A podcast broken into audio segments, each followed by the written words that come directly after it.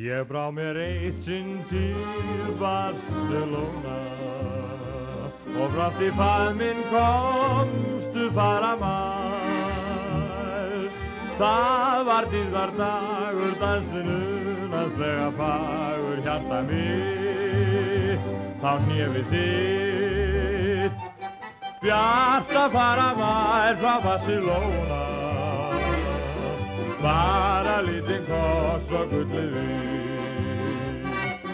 Við ei annars hér í Barcelona, því að best af öll er ástinn þín. Aðeins stutt í örmi mínu varstu og unni mér, bjart að fara mær frá Barcelona. Brátt mitt hjarta skal ég gleyma þér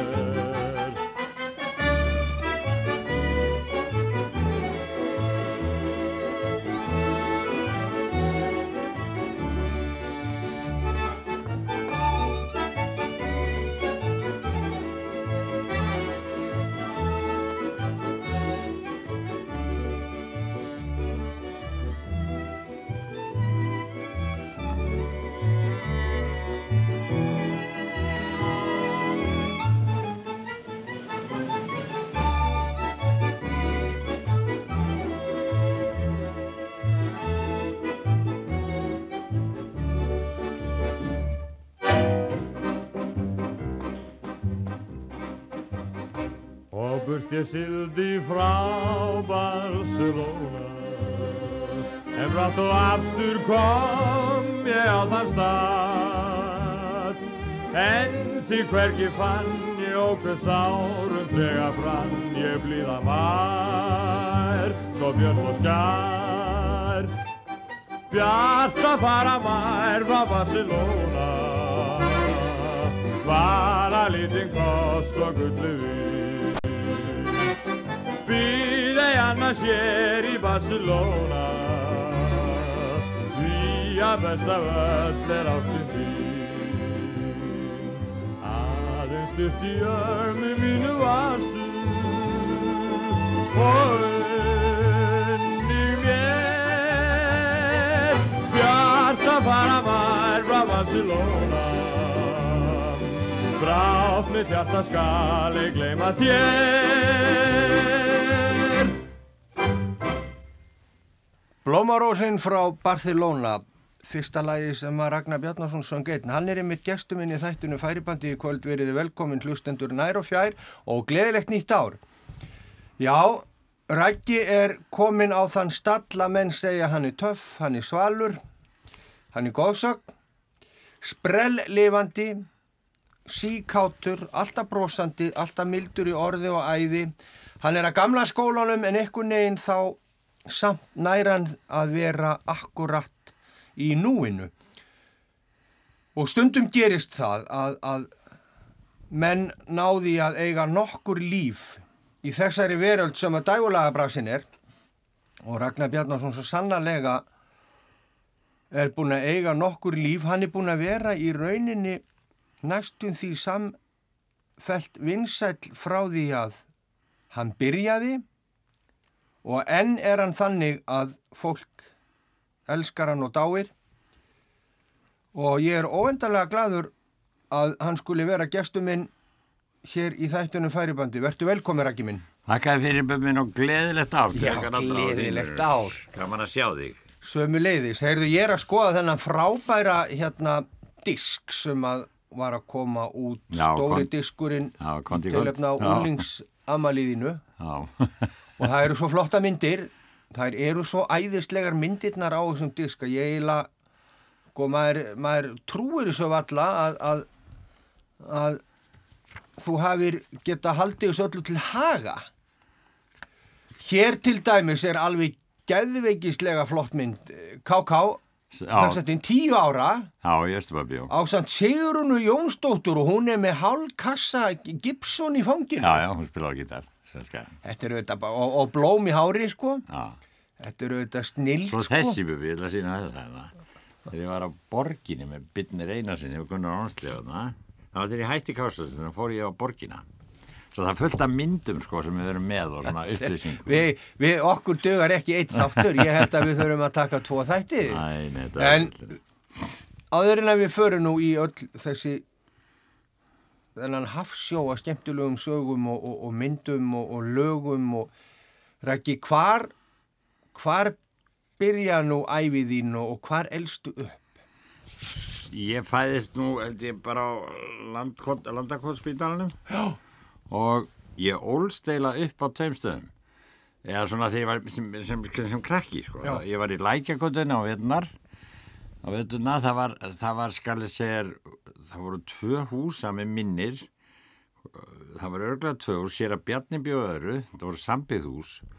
Og Ólafur, hérna sonur, pappi Flosa Sólarsson Já, hann átti hitt. Við flósjólust upp saman. Hann var hérna við hliðina á mér á flósi og við legðum upp í risi. Ég er ekki alveg, þú er ekki alveg fara með að við vorum upp í risi á sér að bjarna eða í húsuna sóla sér að Bjarni var, var þjóðþekkt persónu sínum tíma og, og, og með mjög sérkennilega rödd. Já, eiginlega gaman á hann, hann hafði mikinn húmor hann ekki settir hann sögunum.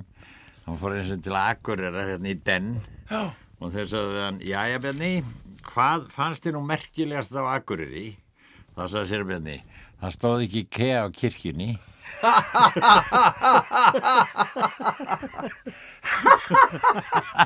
Nákvæmlega. Nákvæmlega Herðu og þarna er, ertu, ertu, hvað ertu gammal? Hvað ertu gammal? Er ég fyrst smá po- potturum, sko, Já. ég var í miðbæðaskólanum og, og var þarna bara dettandi í tjörnina annað dag og svona, bara eins og gengur. og þetta var stór skóli, Já, já, miðbæðarskólinn. já, já, þetta var rosalega stór skóli Já. og, þarna var skalli, hérna sjoppan, Já. einsýrstykkin hjá skalla, maður kefti, þegar maður egnaðist fjármunni þá var farið að kefti einsýrstykki Já, úti á skalla sem að, ég veit ekki hvort það heitir lengur, en það, það er ekki langt síðan ég hétt skalli sem var þarna. nei, nei. En nú er það farið, nú held ég að sé ykkur bara matsölustafur þarna. Já, já, svoleiðis. það, þetta var mjög sko gaman að þessu því ég var líka svo mikið út í útvarpi því að pappi út í útvarpi það, þá ég, meina ég sko í landsímahúsinu útvarpi Gamla var, landsímahúsinu sem að var nýra á Östuvell, já, sem, er nú að sem að færði svo þaðan nýra á skúlakutu. já, útvarpið Já. og ég var svo mikið þarna niður frá því pappi var náttúrulega alltaf að spila spila í útvarpið, spila með Þórandi Guðmur sinn og svo var með slá Já, það var þannig í gamla dagar ekki að menn sko voru bara spiluðu live, já, já, skiluru. spiluðu- Þetta var ekki, þetta var bara þannig að menn voru með hljómsveit og spiluðu. Já, ég get þér sögða þessu. Þeir voru sko, hljónstæðarpappa, hann var með þætti í útarpinu og mjög svona yfirleitt fjörugt og skemmtilegt og svona gamavísur og, og allir söngarar og svona sem komið þetta fram. Mhm. Og þá voru gefin út útastíðundi og það, í, það var blað sem útarpi Jú, jú, það er til hérna. Það var til hérna. Já, já. Og þá skrif, var skrifa hvað var danslagkvöldsins og Björnböðarsson og svona. Svo á strísárna þá fenguður vinnu í listamannaskólanum, það er það sem nýja alþingishúsið er núna. Mhm. Þar var stór skáli, svona, eitthvað listamannaskáli. Jú, jú. Og þá, þá lendi allt í vandræðum, því að fólk var á hana. Það var ekki þá gætt hljómsveitingi verið, verið í útarpinu, þetta var alltaf beint. Svo þess að þá fóru þeir að taka upp á því fyrsta skipti í útarpið. Og því að ekki verið í útarsal, það fór upptak, fóruð með upptökurnar út í Já, fórir að útvarpa tók, hljómleikum. já, tók, ná, tók bara ball, böll, sko. Tók, tóku bara live, sko. Það er svona ábyggilega það fyrsta sem var gert að því, sko. Já, það er ekki gert í dag því miður. Nei, það var, það var gert þegar við vorum að sögu oft. Þá komið þér oft og tóku böllir upp. Hugsaði þér. Já, já. Herðan, höldum okkur við, við fyrstu árin. Hvenar, eh, sem sagt, pappiðin er, er, er frægur hérna hljómsveitastjórnandi og músikant. Já, og þú elst uppi það, bara fyrstu þínar, fyrstu minningar eru, já. Ég erstu við það, því að, ég- sko, hann stopnar FIH, félag hljómlæstumanna, uh, 32, ég fæst 34 og meðan hann var þarna niður frá. Og síðan þegar við erum búin að vera þarna í nokkur ára þá, þá fáðu íbúð upp í meðarholti 5 Já. Í verkamanna Já. bústofunum já, og sem var náttúrulega alveg æðiskekt gengið fyrir ungan stráka eins og mig og eða okkur sískinn og, og uh, Ragnhildur Ásta Pétursdóttir hún bjóða næri henni við ólumst upp saman. Já, og að koma þangað því það var bara allt fullt af krökkum. Það var svo já. mikið líf þarna og fjöra það, það, það var, þær voru bara í gluggunum að kalla liðið inn. Jú, jú, matur, ég man eftir því og stipp þetta Já, já. í verkamannablokkunum í Gnóinu Já, já, þú kannast þetta. Mömmurnar komu út úr gufunni frá ísunni og við settum út um gluggan bara, venni, kom inn að borða Já, liðið alveg, ó, Já, í miðjum leik já, ég Ó, meina. Ég verð að fara já, já. já, já. Og hérna, þannig að það er allt tróðið af lífi Já, Bókn já. út um allt Alveg. Stórfiskaleikir og brennó og kíló og, Allir þessi leikir sem að og- við- Já, skilmingarnar og já, allt og skilmingarnar Og og, allt heila Já, og bíó, varstu, voru bíó, fóstu á sunnudagsbíó Já, sko, það var Tassan eða Já. Roy Rogers. Já, og eitthvað. einmitt. Tassan, ég menn þessi Tassan. Johnny hékk- Já, Já. þá hekk maður í byðröð alveg vilt og Já, galið til þegar að hann sveik kom svífand á kaðlunum yfir tjaldi Ha, og, og, og hann var líka stundu kallað tassan í fötum. Já, hann var sundkappi. ja, gríðalegur, olimpíumestari Olumimestari sundi. Já, Og það kom, ég var að lesa um þetta, það kom einu sinni til hversuna Eugene Meet Tassan. já, Það kom út af því að, að, að hann var svo, svo, hann vildi leika Tassan og það sagði hann Meet Tassan og Eugene. Svo var þetta notað. já. Þetta, er, þetta, þetta var stórkostlegt. Síðan hérna, já, já, svo, og hvaða tónlist, manstu hvað tónlist þú hlustar á, var þetta bara tónlist sem pappi spilaði?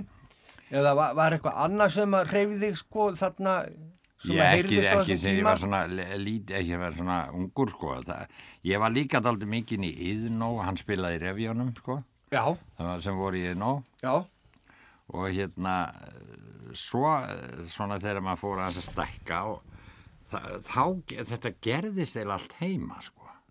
það gerist sá að ég- heima Já, þar sá ég Hug Mortens og Alfred Klausen og Guðrún og Símonar og, og Sigóla og allt þetta lið, sko. Þetta var allt meira minna eft heim í stofu og, og, og eh, félagsfundirnir og allt heila vissinni var allt, þetta var allt í gegn eins og mamma sagði, sko. FIH er bara hérna í símanum eða allt veit eitthvað. Því það stoppaði aldrei, sko. Svo það var, var heilmikið svona í kringum þetta. Þú, þegar að þú ert orðin unglingur, hvað þetta, 13-14 Já, ára, já. þá ertu farin að spila í þá... á trommur. Hérna er alveg, alveg guðdómleg myndaði tekin heima. Það er svo út með blómavönd í, í fanginu og þú ert með serjett í brjóstöðsum og þú ert með þverslaufu og þú ert pingulítið feimin en greinilega sko alveg gríðarlega gladur og ánæður. Já, það er fermingardaginn. Já, og ferming var miklu stærri atbyrður fyrir ungt fólk þá en er í dag, það er staðrind. Já, ég, já, ég veit ekki. Þetta var allavega mjög, mjög stór dagur og kom allægt inn og Já, fjölskyldan og allt saman, tróðfullt af fólki og þetta var voða mikið. fegstu úr í fermingu? Nei, ég fikk trommur. Fegstu trommur í Já, fermingu? já, Nei. S- sko, bassatrommu og symbal og hæjett og sner.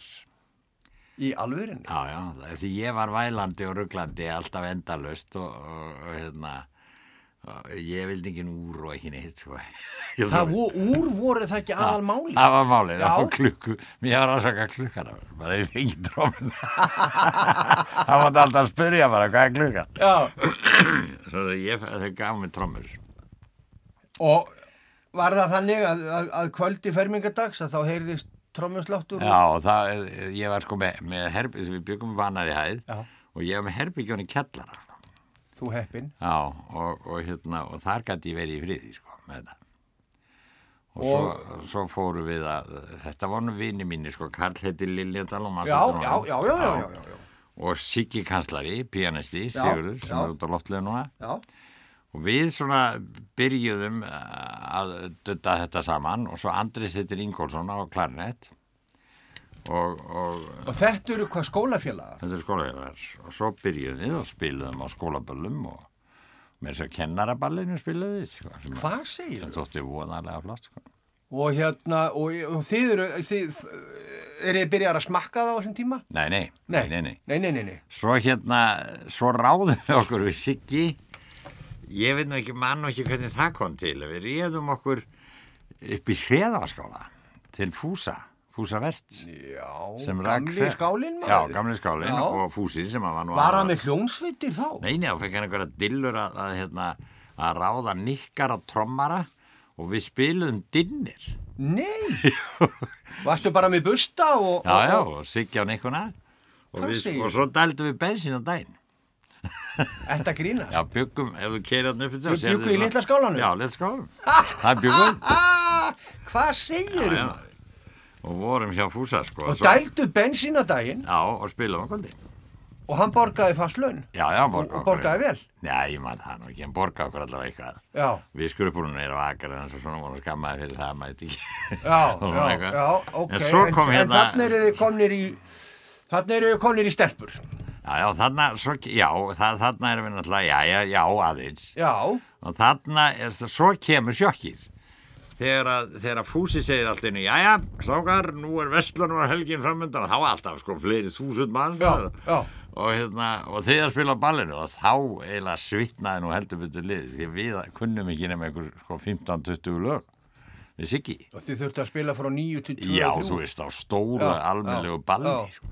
Svo við vorum svo hefni að pa, við hringdi pappa og spurði hvort það væri að vinna vestumverkin og sagði, nei, ég ætla að frí, ég ætla að vera fyrir austanastur í sömbústað. Pappi, kontið hérna fyrir borgan og retta okkur. Nei, Og hann kom og hvað spilaði ertu með okkur. gammal að það ekki? Þarna er ég svona 15 ára. Hvað? Hvað segir þau? Og hann Þetta kom þetta myndi líðast í dag að 15 ára gutti væri, væri spilandi fyrir dinner eitthvað staður og svo bara Nei, Vesla, nei, en þetta er stórkostlegt og hann mætti, Já, hann kom og bjargaði okkur, sko. Bjargaði okkur alveg, sko. Mætti hann einn eða Já, já, mætti bara eitt Siggi, sko, Siggi gat, þú veist, svo eldi Siggi bara. Sko, og, og, og svo spilaði pabbi og, og ég gat náttúrulega trommað, sko, allt sem hann gerði. Já, Og Siggi gat svo eld og þetta var náttúrulega, hann var náttúrulega hörkuð hann ykkar, svo það var alltaf ekki vandamál. og mætti mökkur og, og, og Alveg, markminni gekk inn út um gluggana, maður allt brjálað.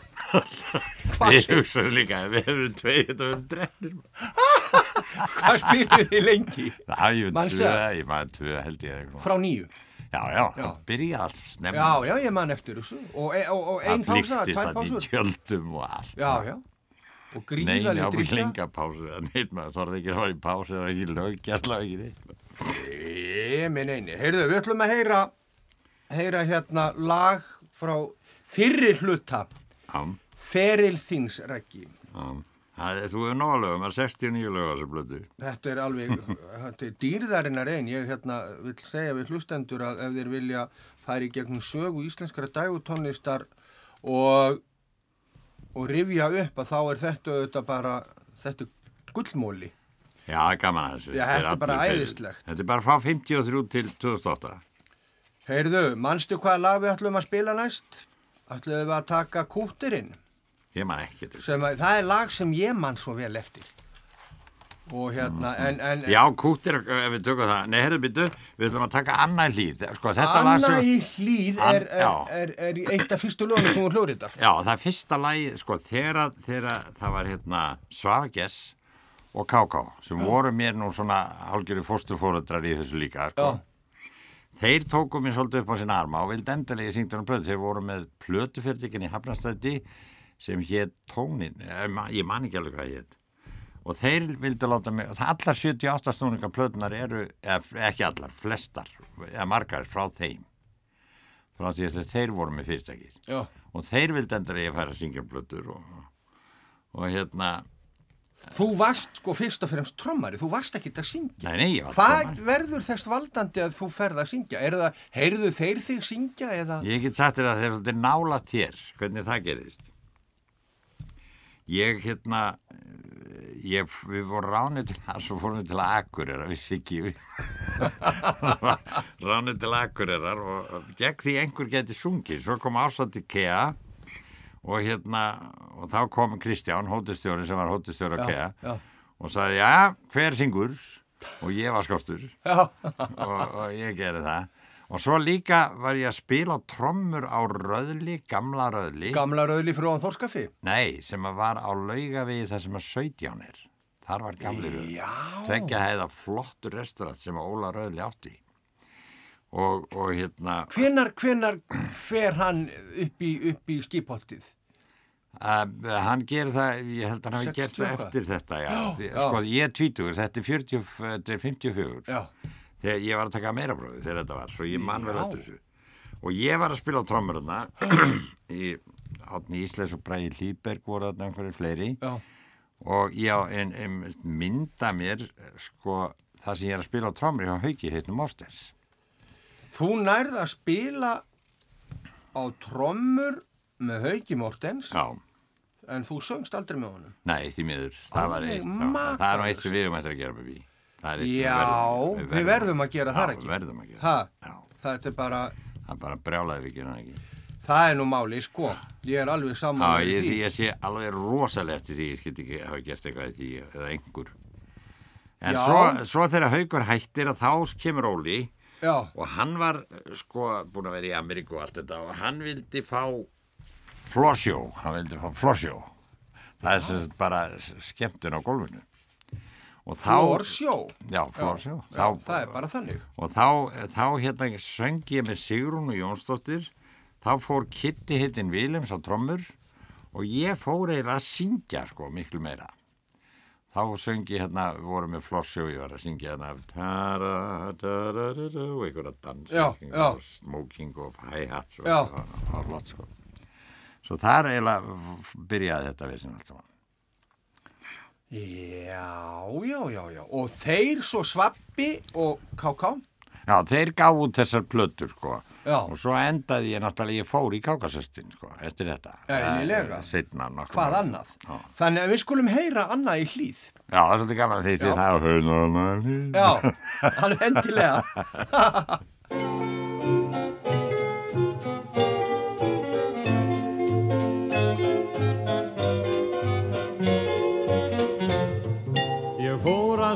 smala kindum hér eitt kvöldið fram í dag og kominn var ég lengst inn í bláan fjallasal. Þá ungi mætti ég blómarós með augun djúb og blíð og er ég spyr að nafni hún ansar Anni hlýð.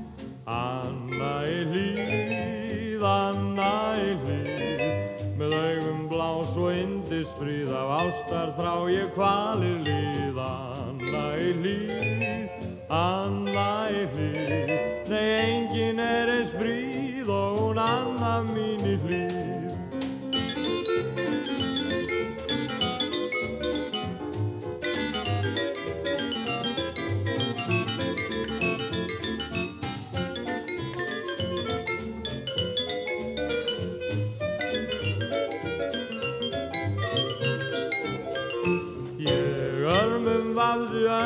svo hún andan varla dró.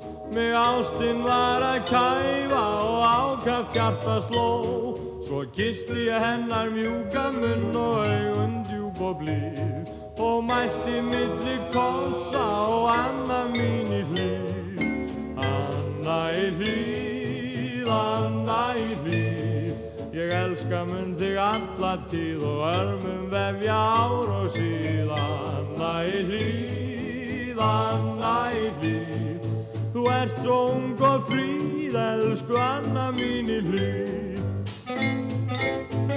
Elsku Anna mín í hlýð. Þetta var Anna í hlýð og þetta er Ragnar Bjarnason sem er að syngja sem er gestur minn í færibandinu og ég held að þetta verði tveir þættir gott fólk vegna þess að ég get ekki séð að við klárum eitt eða neitt hér á tæpum tveimum tímum, það er bara þannig þetta er í rauninni þarna er, er, ertu ný, bara nýbyrjað blötu bak veirin að syngja Já, já, ég kom með þetta heim, sagði pappa, já, hvernig líst þér á? Hvernig líst þér á? Fyrsta platan. Já, Og hann hlustaði þetta og sagði, já, hún skandi hún samt ekki strax hringin á aðra blödu.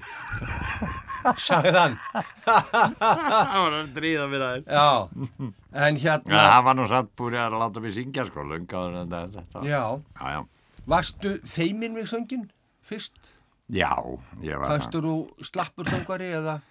Ég vissi ekkit hvernig ég var. Nei, Ég vissi ekkit, ég hvernig hafði, fannst þér að heyra röddin í fyrsta skipti? mér fannst hún voða svona, Já, svo, svo, svo hljómaði ekki eins og, eins og þú hefðir ímundaði Nei, ég veit ekki hvort að þú er gert það líka sem stóku. Ég lappaði um stofuna, þú veist, og, og þegar engi var heima, þú veist, þegar ég spilaði hérna og Prisoner of Love og söng. jú, og söng hvað, ég var með babitónsbaða ekki? ég held ég hafi verið besti babitónleikari landsins á þessum árum það spilaði engin babitón eins og ég Minn maður. Heyrðu, og þú, þarna sem sagt, Káka og Svavar, þeir fá þig til að syngja inn á. Já, Skömmu setna ferðu í góðsögnina Káka. já, já. Ég var búinn að vera svona guttlastitt og þetta svona í breyfíkabúð og, og svona með svavari líka aðeins. En svo, eh, ég, ég fór inn í kákasestin bara fyrir svona hálfgett grís, sko. Var, þá var ég búinn að fá meira bróð, var að kera leigubíl og var hlottur. Já, Og þá er ég sem hringt á bíl og það er Jón heitinn Bassi. Jón Sig. Jón Sig. Það byrði þetta fyrlu. Já, pappi, þetta fyrir og hann, hann hérna, við vorum miklu vinnir og, og mikið gaman. Hann var til dæmis mjög snjall útsetjari og Hann var snjall í öllu, það var alveg saman, hann gætt byggt hús, hann gætt gert hvað sem var, hann gætt laga allar græjur, hann gætt, gætt allt, hann gætt allt hann, já, Hann var alveg indislu. já, Og svo er, er hann, og hann segir, herðu, já, við þekkjumst náttúrulega, hann þekki mig og, og svona, ég, og, hann segir, ég leita mér söngkonu, kerði mig þangað og kerði mig þangað og ég fer þangað og það er enginn heima og hann fer annars stað og það er enginn heima. Svo ég segi við hann, heyrðu blessa Jón, að þessum að ég skal bara koma okkur, ég með textar hérna í skottinu, þetta er allt Og, og hérna, Segirðu? Já, ég sagði við hann. Og- og Var þetta spontant eða sástu tækifæri í þessu eða? Nei, ég held ég að nú vera að djóka bara við hann, sko. Mér er að dætt aldrei hug, að því að þá söng engin kallmaður á vellinum, sko. Já. Þú veist, þá voru bara stelpur. Að, þetta var eitt annað. Fyrir hermennina? Já, það var ekki Já, Amerikanar. já, þau vilja bara læla sokk á lappin. Já, þau vilja bara læra skjálta á. Já, já, En Jón segir, Káka var nefnilega út í Englandi Já. og Jón var hljónstasturinn. já. Svo hann segir bara, ok, þú kemur bara með. Og ég fór með þeim surdir. Og æfður? Já, já, bara beint á stæði, mann þannig ekki hvort við æfðum með það, hvernig það var, jú, að hafa gert það, sko. Já, Þau rendum yfir eitthvað í manna bara ekki. Já. Og hérna, og síðan, eh, og, það, ég ger allt vittlust þannig maður, Amerikanir, ég söng bara brjála eh, hansar lög og, leti og þeir höfðu voða gaman að þessu, sko. já.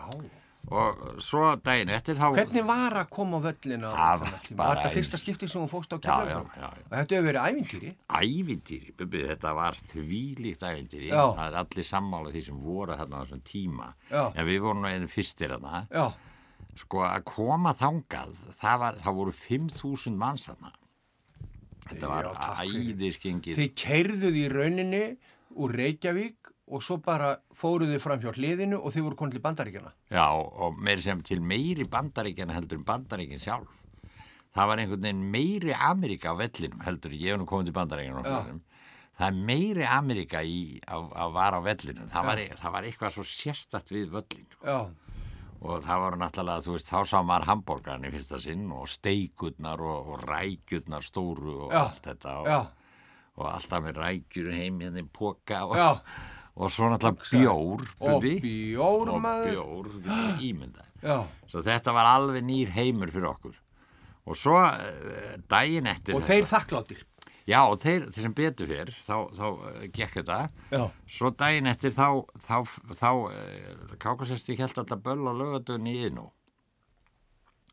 Og, og Jón segir ok, þú kemur bara í Iðnó á morgun og syngum okkur annað kvöld. Og ég ger það og svo kemur Káká. Já, um kvöldið og sér mig og segir Vá, ert þú komin í það? Já, ég segi, ég er komin og, og svo átti sex, sko, hvað sext eftir spilaði. Sunnudaga, neða sko já, sunnudagi þórskafi, mánudagi þórskafi þriðudagi þórskafi áttæga frí á fimmtudögun sem sjálfna skerðist, þá vorum við einhverjum prívat böllum á þessinni, völlurinn á föstugum yðn á lögadögum eða sveitin á lögadögum á sumrin og svo áttu sunnudagi þórskafi við þetta spilum, ekki að grínast já, í já, spilum alveg brjálæði. og, og, og, og, og ég verð að taka fram sko að þessum árum voru ekki allir þessi skemmtuna skattar og, og, og, Nei, og nei. góð og bönn komin, Nei, þið voru dálítið kongar í ríki ykkar og þið höfðu miljandi tekjur Já, við höfðum ágætti sko að við heldum sjálfur, ekki, í, ekki á launum, við vorum allir á launum sko, FIH launum. Já. Við vorum allir á taksta sko.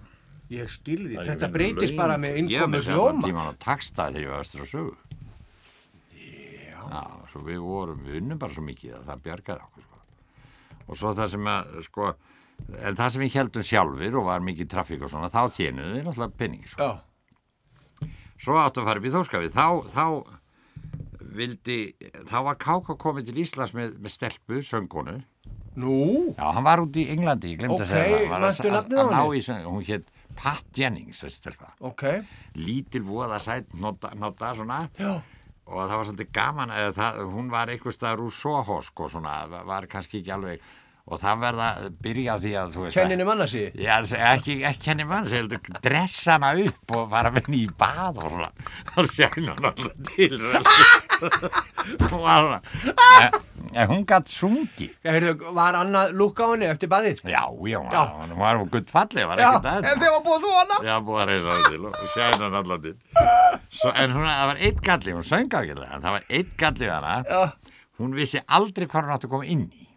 og hún hafði ekki tæmingar. Hann en hún bara vissi aldrei hvernig hún átti að koma sko, hún var bara að syngja lagið einu sinni og byrjaði og hún kom, kom alltaf inn í rétt í byrjun það var bara fjóri taktar og það búið marg hann 2, 3, 4, 1, 2, 3, 4, 1, 2, 3, 4, 1, 2, 4 þá kom hann inn en svo eftir sóluar og svolítið, þá rugglaðist allt og ég, ég gleymi því aldrei á hljómlingum í Östubæði einu sinni að þá er hann að syngja da, og syngur það einu sinni gegn og svo kemur sólokaflin já, og þetta er svona daldið töff lag já. og ég, ég- sé það á henni hún hefur ekki hugmyndu hvað að gera sko. Hún er koni í skóagöngur.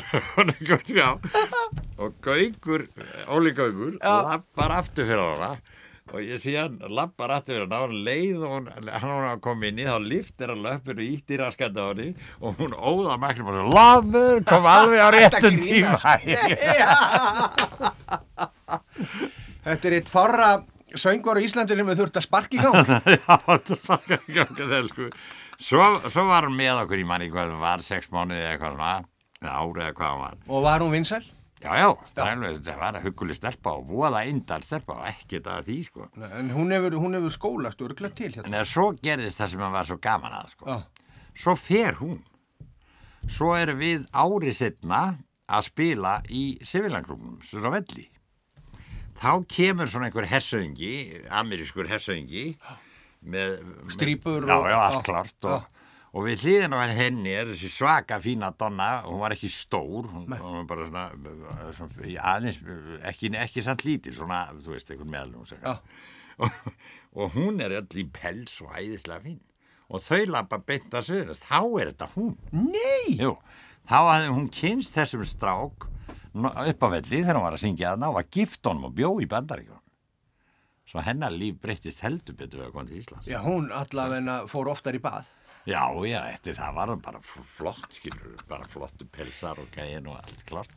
Heyrðu. Það Þetta er æðisleg saga. Já, þetta er saman skemmtileg saga. Og hérna, en þetta er bara, þetta er KK-sektitin, hann er bara nýbyrjaður eða hvað? Hann er búin að vera, Nei, hvað, er sko- hann búin að vera til lengi þú, Hann, hann er, hann stopnaði uppalega 47, sko, þeir fara hann til Ameríku. 47 Já, starfandi. Hérna erum við Já, með já. mynd sem stendur KK-sektitin 10 ára, þannig að þetta getur verið 57. 57, til 57. Þú byrja hvennar? Ég byrjaði 56 held ég, ég veit um Já, já, þú byrja bara fæðinga árinu mínu. Já, já, það byrjaði.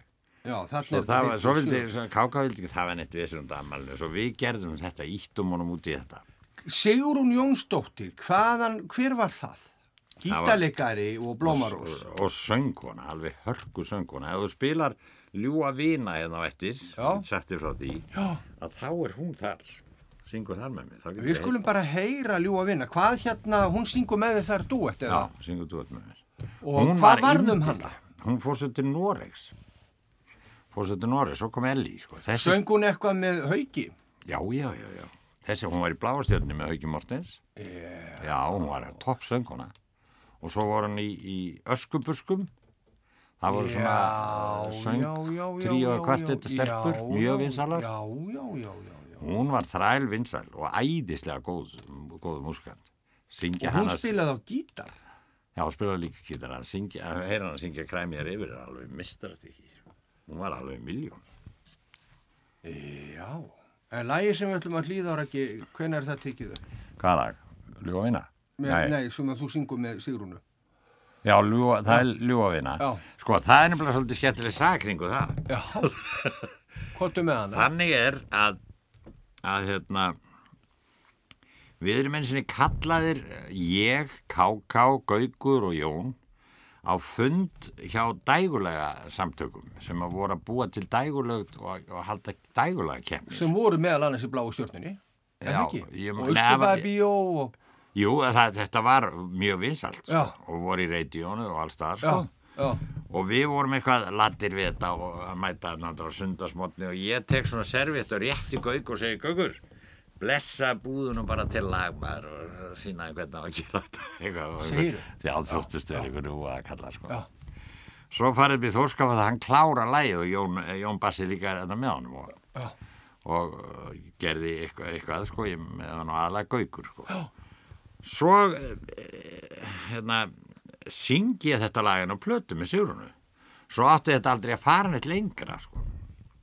nema einhvern veginn þá veltist þetta lag áfram inn í keppnina. Og við allir búin að gleyma þessu sko, enginn að spekla þessu. Svo endar þetta með því að að, að eh, við lendum í ægilega vissin út af þessu því að ég og Elli við syngjum þetta svo í keppninni. Og þetta vinnur keppnina. Og kákasestum átti ekki náttúrulega að vera með eitt lag eða við sko. Ég skilði, þetta var svona, já, og svo allt var komið í klessu sko. já, þetta orði rétt, já. og þá var þá átt að redda sér sko. og þá var fenginn strákur sem var sonur klúbstjóransur á velli Já, sem ég Þóri Roff já, og hann var mikið í kringum okkur oft og spilaði trommur svona einstakarsinnum ekki að taka í einstakarsinnum og, right. og góð vinn okkar og hann er fengið sem höfundur að þessu Nei, hann er bara shadow writer. Áttu bjargar- Skuggapenni. svo hérna, er Þóri náttúrulega það er alls konar vesin og velun og dót og við vorum alveg svo vittlýsingar út af þessu svo. þorði aldrei nokkuð maður að segja frá þessu þetta var svo Já, Þetta já, var svo þetta, mikið já, já, þá getur Gaukur sagði loksins frá þessu fyrir nokkrum árum í sjónvarpi já, svo þetta er ofinberst þetta er ofinverð. Þetta, þetta, er- þetta er flott saga. Já, Þetta já. er flott saga.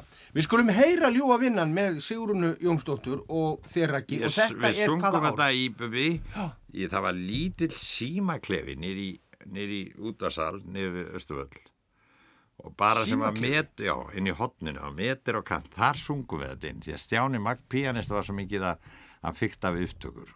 Hend okkar hann inn í símaklefan Til að einangra söng frá, frá öðrum hljófærum. já, einhvern veginn svona hún var nú Ekki, ekki, ekki stór voru í tvö inn í tveini Þetta í mér. Sigur hún náði mér hengað upp í brjóst og það sungum við þetta inn Ert að segja sann. Heyrðu, Þetta er og það. fyrir vikið þá kannski er röddin og raddirnar, Þetta er flott, hlusta bara já, skýrari en, en ella. já, miklu betra Þetta er Þannig að hver tók þetta upp, segir þú? Stjáni Magg, hann, hann uh, pianistinn, Kristján Maggsson hann var, hann og Hann Ingi hefur bróð- stótt í frumkvöðul. Já, hann var mjög mikið þungull hann, á, hann, hann tók þetta allt saman upp allar þessar tónleika og allt saman þetta Já, já, við Hann skulum heyra, heyra, heyra þetta lag. Já,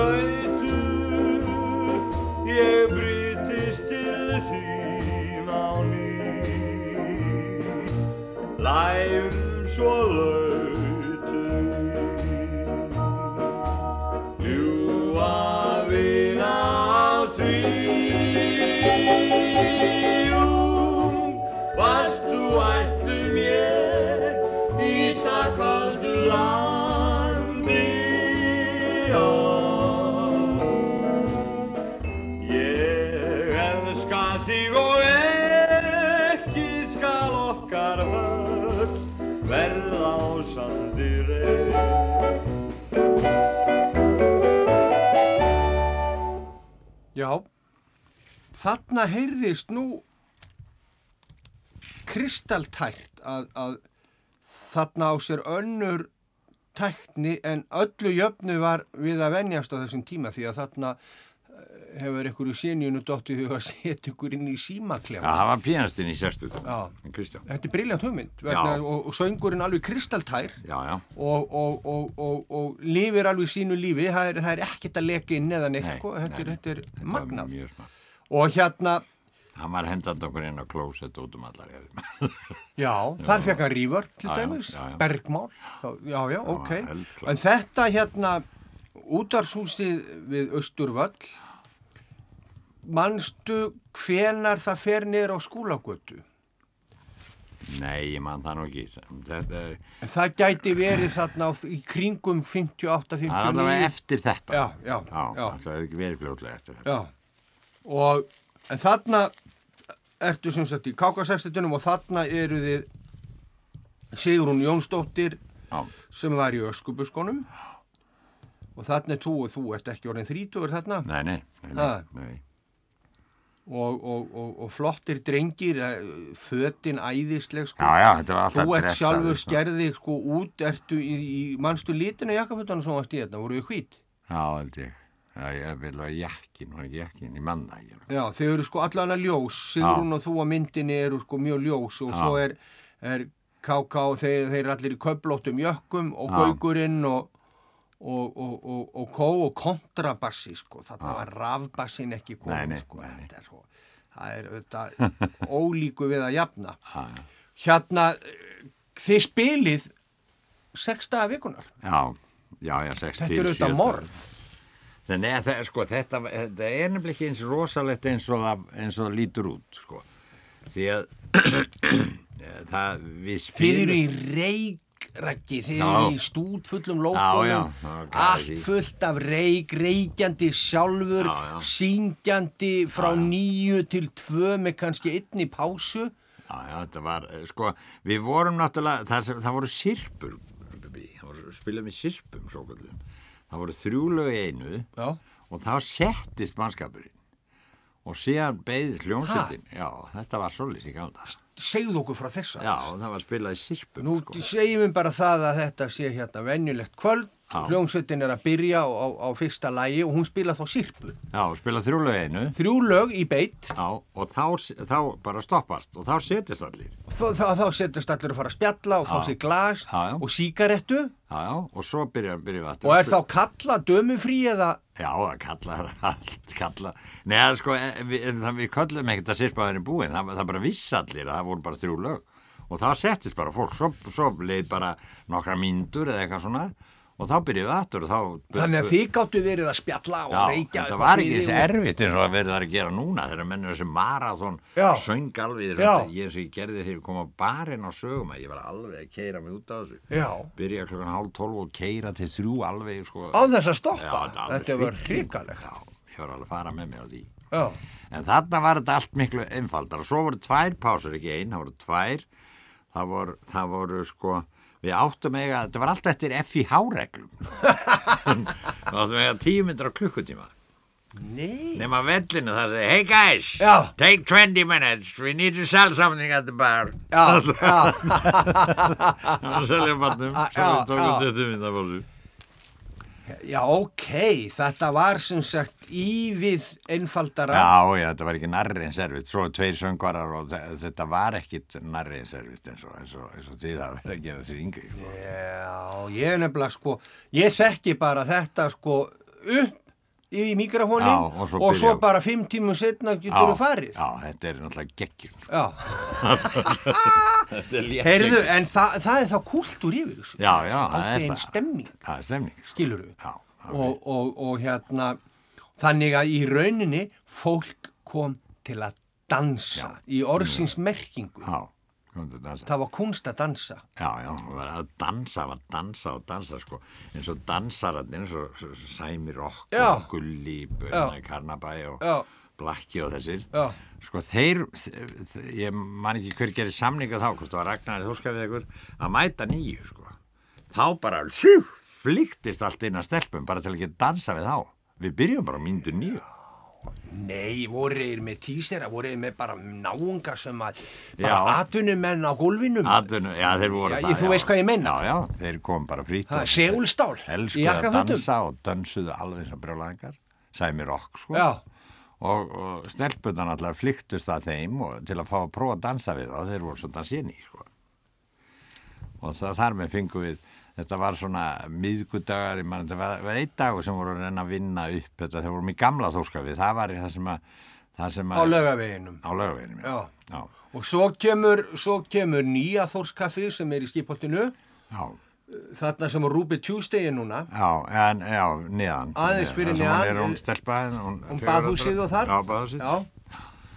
Og, og þórskaffi var nú, þórskafið þar já, og röðut fyrir ofan. já, rauður hann Já. já, Þannig að, og, og, og Hrafn Jónsson boksar í beint á móti. já, rafbjörnsson mútið Já. já, Já. Með gisti heimilið, dulafulla, Já, já. vafa sama. Dularfulla. Maður átti nú til að eiga nótt þar sko. Já, ekki. Jú. Já, já, Rapp. Það var mikið vinn og Ragnar Þórka við. Já, já. En hérna skal ég er að segja, Raggi kemur hérna lag sem er tekið 1958 og eftir hérna Peter D. Rose og Karl Sigmann, svo kemur Ólafur Gaugur Þóraldsson, KK61, fyrst gefið út á breyðskifu Gullárin. KK60 til 1980 Já. fyrst gefið út á breyðskifu þetta var svona satt lítil plata skífa sem er gefið út á Já, það var oft við. Það voru fjögur lög sem voru á hverju plötu. Já.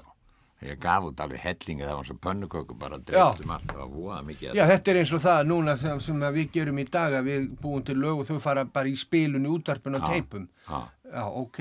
En mér langar samt að við heyrum þetta lag vegna þess að þetta tekið 1958 Já. en við erum ennþá bara í fyrri hluta feristins er og, og hérna, þetta var alveg gríðalega vinsælt lag og, og hérna heima er var, þetta? var auðvitað búið að slá, Bónasera var búin að slá í gegn út í, út í heimi Já. var það Tony Bennett sem að, uh, hérna það ekki? Er það bú- búin að talum? Já, Það það er tekið 58 1958 Ég held að sé það lag sem ég söng á ítölsku.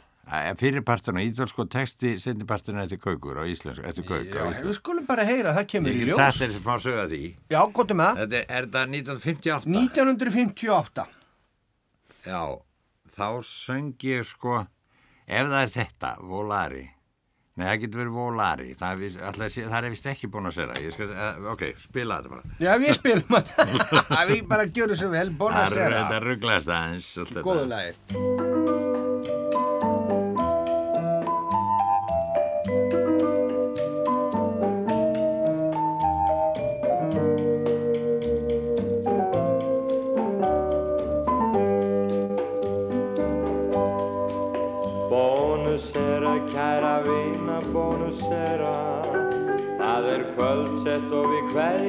Napoli Út við hafið blátt við kvíslum bónusera Á meðan hjúrar þú þig örmum mínum í En að morgni þegar dvali nætur dvínar Mun ég draga þér á fingur faran hring. Og ég mun byggja þig að helga mér þitt hjarta Er við hlæjum í kvöld verð ég að hverja þig og segja Bónus er að kæra vina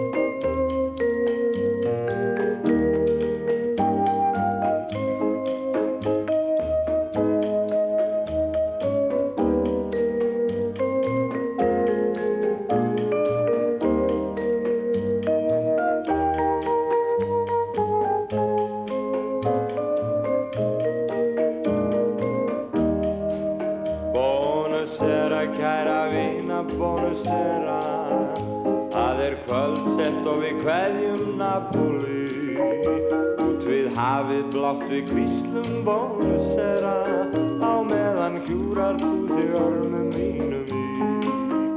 En að morgni þegar dvali nætur dvínar Mun ég draga þér á fingur fagran ring Og ég mun byggja þig að helga mér þitt hjarta Er við hlæjum móti sumrinu bjarta. En í kvöld verð ég Bonusera kæra vina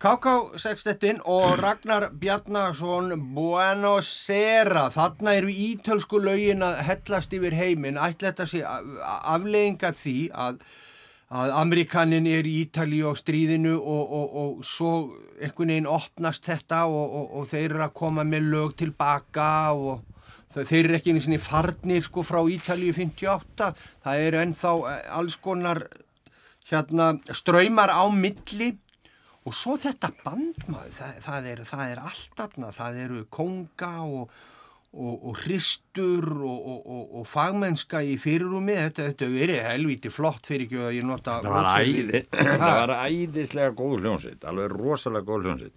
Þetta var sko, þeir, þeir kunnu þetta.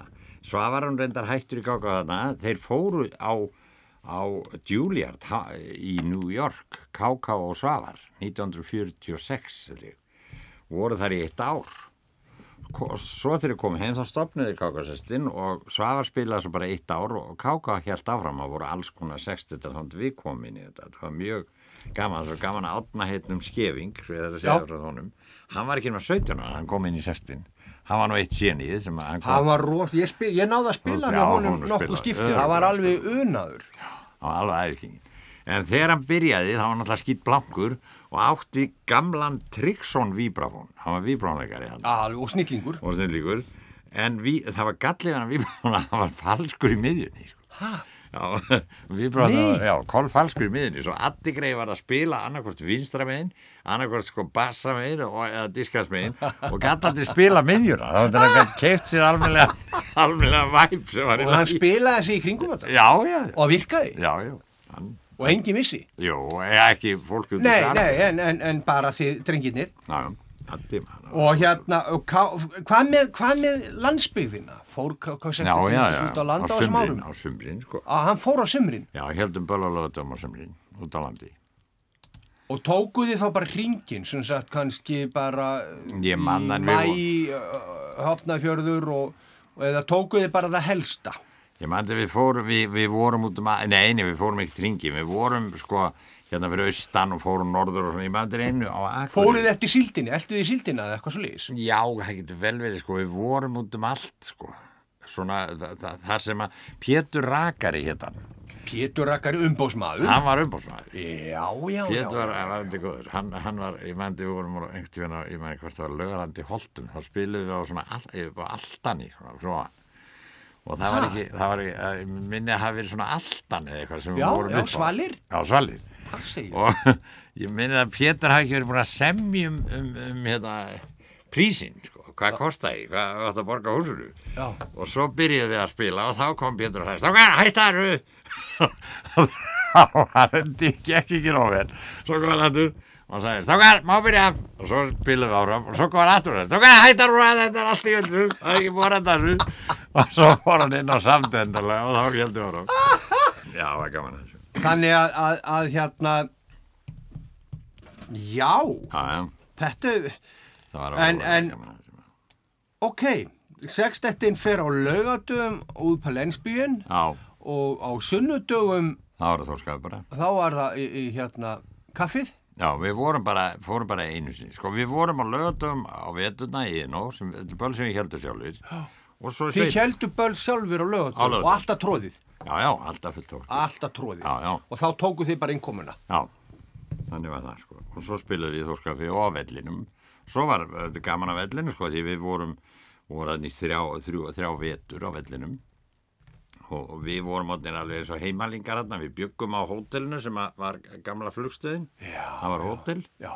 og svo spiluðum við beint frá Sevilanklúmnum í útarpið, alltaf uh, hálftíma á, á hverju förstaskvöldi. KK Saxon.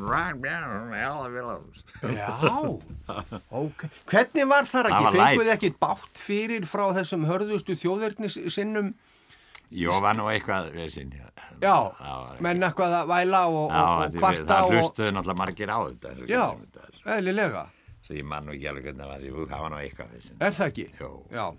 En, en þið, þið búið þá bara þarna eftir, eftir uh, spilamennsku eð, eða farið þið... Já, fórum átt daginn áður, sko, ef áttum frí á 50, fórum við bara að borðum með stákvarum sem að unna á útdarpinu og sjónvarpinu og við vorum í sjónvarpinu líka og, og eh, bara í steikum og höfðum það flott og bjór og, næs og spilum svo fyrstum.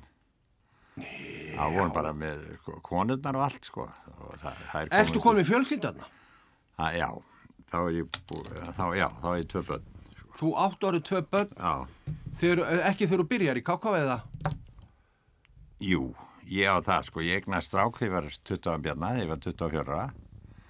Nei, hann er, hann er 54, sko. Já. Já, ég er Já. tvítut Já. Og stelpu 55. Já. Svo ég á stóra krakkar, sko. Heyrðu, ok. Svo ég strák síðan 68, sko, og lítið barnaböndina sem Já, já. En, en hvernig var það að, að ég meina, sástu nokkuð, sá, sá fólkiði nokkuð heima nema bara svona, Nei, bara skotnir voru komnir og, og, og, og, og pappi svoandi? Já, ég held að veri, það var voða mikið svoleiðis, því að svo æfðum við, sko, þetta var, þetta var alvöru business, sko, þetta var alvöru jobb.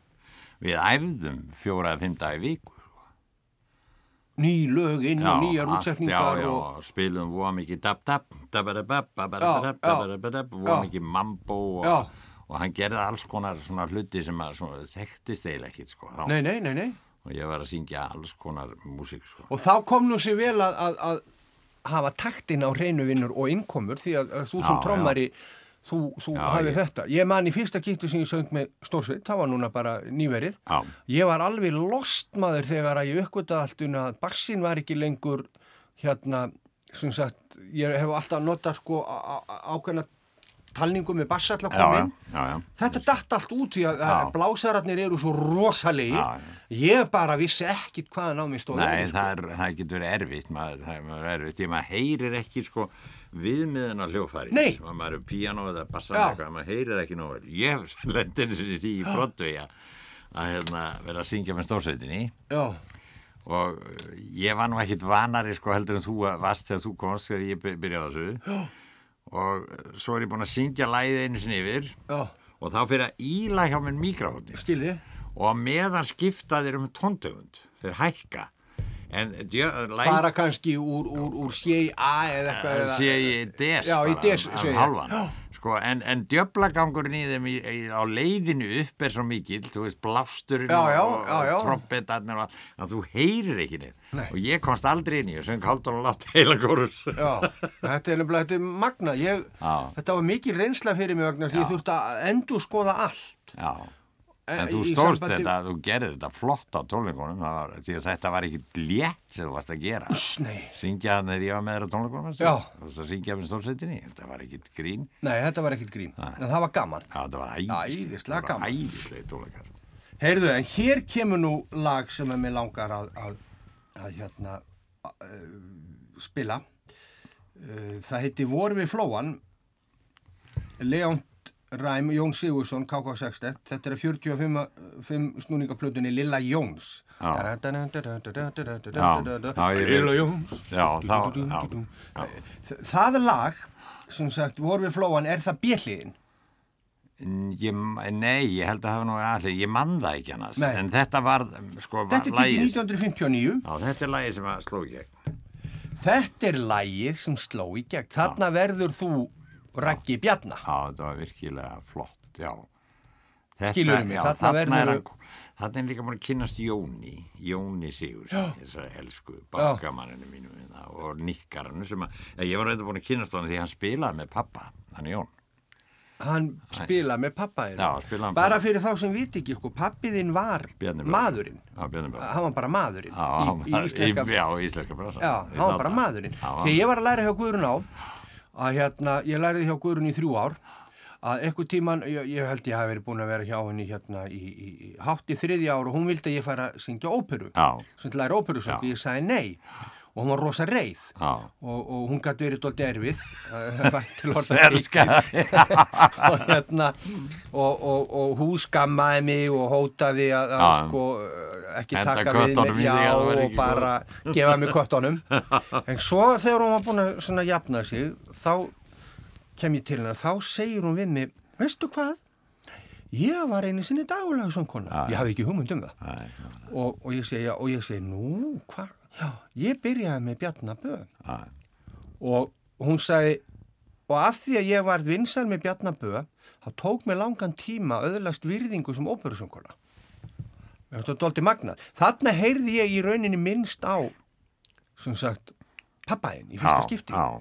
Og, og ég fór að spyrja hann um þetta og hún fór að stegja mér að þessu svo setna mér auðvitað þá, þá kveiki maður að því að pappiðinn var auðvitað stórveldi Já, já, hann var það.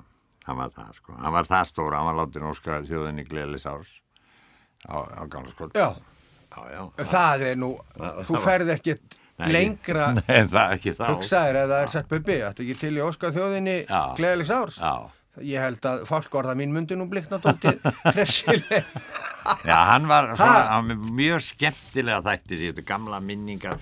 Ég mani þetta að voru heyru skókassarnir af sko, af, ef, af svona grín efni sem hann fengið sendt. Hann var náttúrulega með sko eh, Átna Tryggva og Alfred Andrisson og, og Harald Á og. Brynjól Jónasson og alla Já. þessa og það vantaði alltaf efni Alltaf. og það, það var líð að senda honum alveg sko fleiri kassar af, af grín, grín sko textum við Skil lög sem að hann svo tók hann það besta úr og leta að syngja þetta og þeir gerðu þetta alltaf eins og lordar sko þetta já, já, það er auðvitað briljant á allt og alveg léttu nótunum og fríst og, og gaman að því sko. já, já, og þarna, það eru nú erfiði tímar Já. þarna eru hafta árin alls já. ráðandi maður og byðraðir og bomsur og, alla greið og og, og, og, og, og, og menn áttu ekki sko, fengu ekki bíla nema að vera tengdi Nei, réttum flokki og fyrst ekki eins og skóma Nei, fyrst ekki einu sinni skó. Nei. svo er fólk að tala um krepp í dag. Já, guð mér á.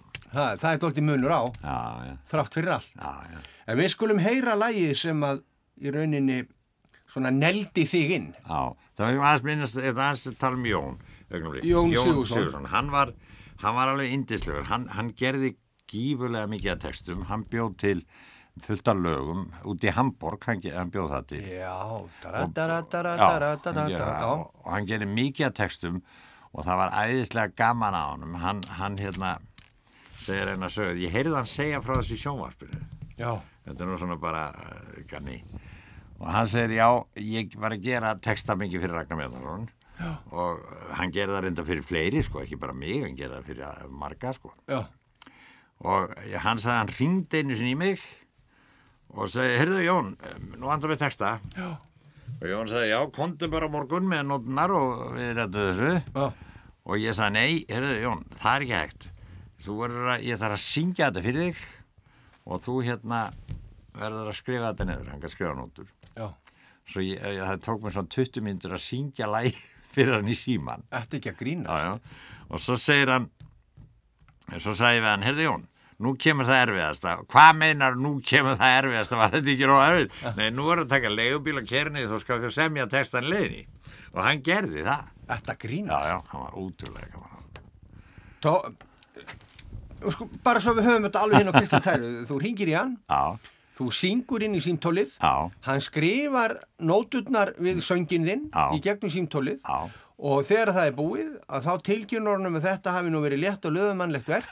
En nú þurfa hann að taka leigubíl keira nýri þórskafi en hann verður að vera klár með textan þegar að kallinn slær út að hald sænska gjaldmæli Alltaf gjaldmæli. og hann gerði þetta? Já, hann sagði frá þessu sjálfi, ég myndi ekki þetta svo. Ekki er þetta lagið sem við erum að fara að hlusta á. Nei, ég- nú veit ég ekki hvað lag það er, sko. Ég minn eini, en við skulum heyra vor við flóan, lagið sem að neldi Ragnar Bjarnarsson fastan á dægulega vekk íslenska dægulega Já, sögur. það var gaman að syngja þetta, virkilega gaman að syngja þetta.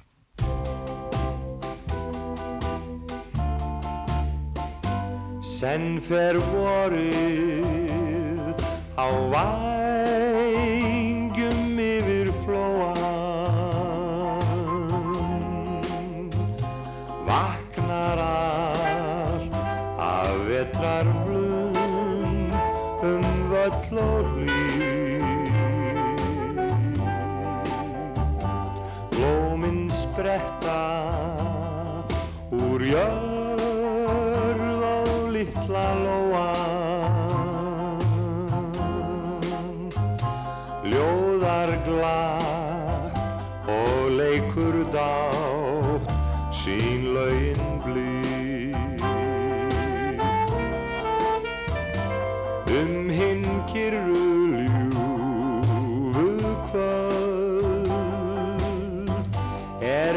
kvíslað létt í skó. Hinn ástar ljúfu orð er ángar döggin á grein senn fer vorið á vængjum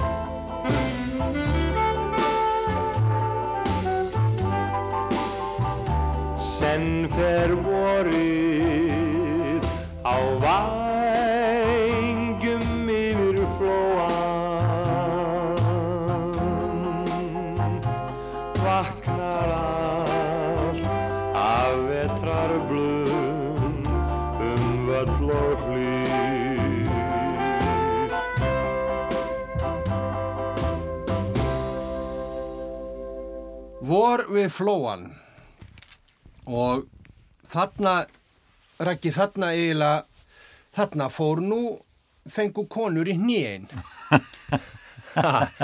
Þetta lag svona rammar þig inn, þetta, þetta í rauninni, sko, ég man vel eftir þessu lagi maður, Já.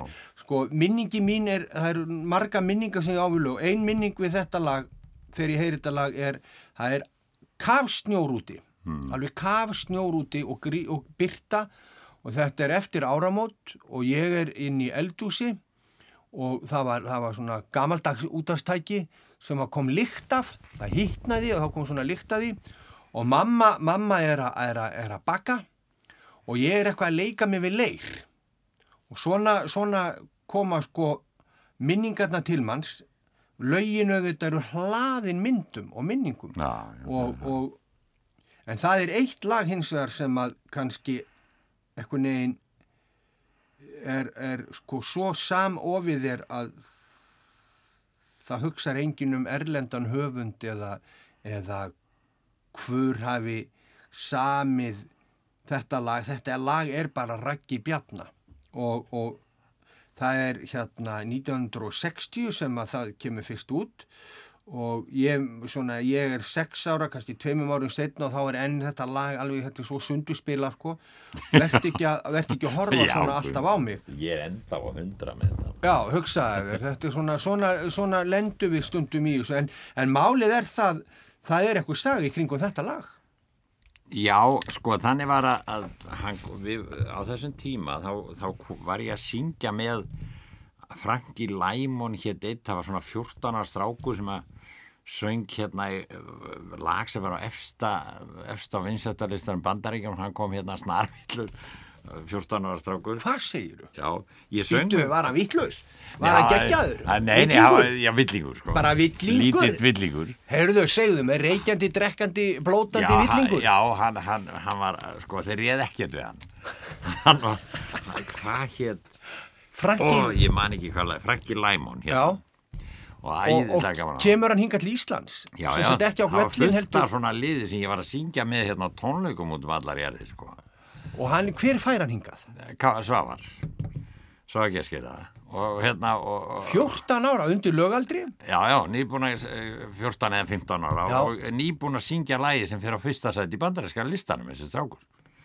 Og er náttúrulega orðin voðalegt eh, nafn og allt Já. orðið brjálað í kringum hann og hann er alveg kálvið. Einu maður sem réði við hann var ég. Svo þess að pappars kom bara á og sagði, heyrðu, you take care of him, you þú Nei. passar hann. Og ég var með stráki, við vorum mjög góði vinnur meðan hann var hérna. Þa, og það var fullt af svona liði sem komu. Hérna kom til dæmis hann, hann Otto Brandenburg. Já, já, já. Já, við sungum ekki saman með kákosöstunum Já, já, já, meðan hann var Hann var hérna nú aldrei stór. líka, ægilega já. flottur En Franki Læman, hann hérna, en, en sko, briljantinn í hári? já en, en hann, Brandenburg, hann benti mér á verðt ekki að horfa Segðu aðeins mér frá Brandenburg. Þú, þú ert að syngja með Káká og hann er fengið til að koma og syngja með. já, hann var með okkur á tónleikum og líka, hann var líka með okkur svo velli hann var hérna. Var hann þjóðveri? Nei, hann er Dani, Hann var Dani en, en söng í Þýskalandi og... hann og sungut um allt já, hann seldi verðt ekki að horfa í Evrópu og í hálfri miljón eintaka já, og þar, þá heitir það What do you wanna make those eyes at me for það heitir lægið sko. ok, En ég vildi breyta þessu og fór í Jón, vinn minn, eins og einlega, já, og sagði þú snúðu þessu en ekki neitt, sko. ekki, sve- ekki, ekki, sveit direkt. Og ekki sveit og ekki Nei. sjór og ekki neitt, Nei. sko. Heldur reynda að vera eins og nálætt þess og þú getur, what do you wanna make those eyes at me for? Já. Og honum tókst þetta. Það er þessi setning, sko. Verði ekki að horfa svona alltaf, ég ætla, ég ætla að lifa Þetta ekki sko, ekki að horfa svona alltaf? Ef hann, ef hann ekki nota þetta alltaf þá er þetta aldrei orðið svona eins og Niðurlag á frægu í ljóð eftir Þórar Nelgjörn er glámur liftir glem, glerugum að nefi og Grettir verður undir eins við það svo hrættur að hann heldur varla slefi og hefur varla talfærin úr stað en stínur loks er glirnurnar í glámi gefa honum ofurlítið frí verð ekki alltaf að horfa svona á mig ef þú meinar ekki neitt með því. Þetta er að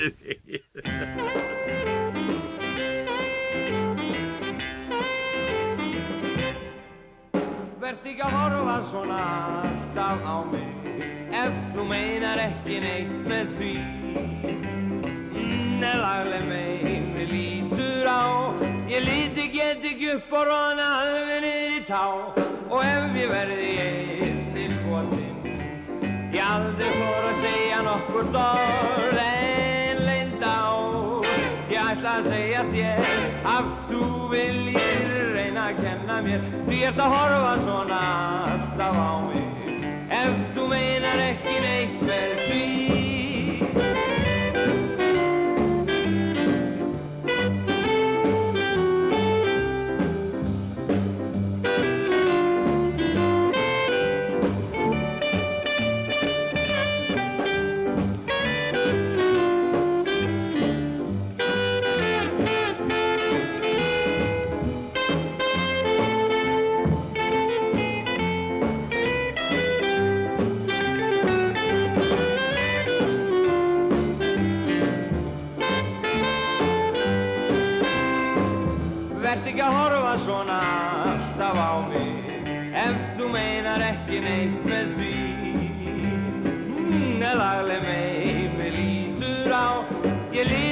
get ekki upp róna alveg niður í tá.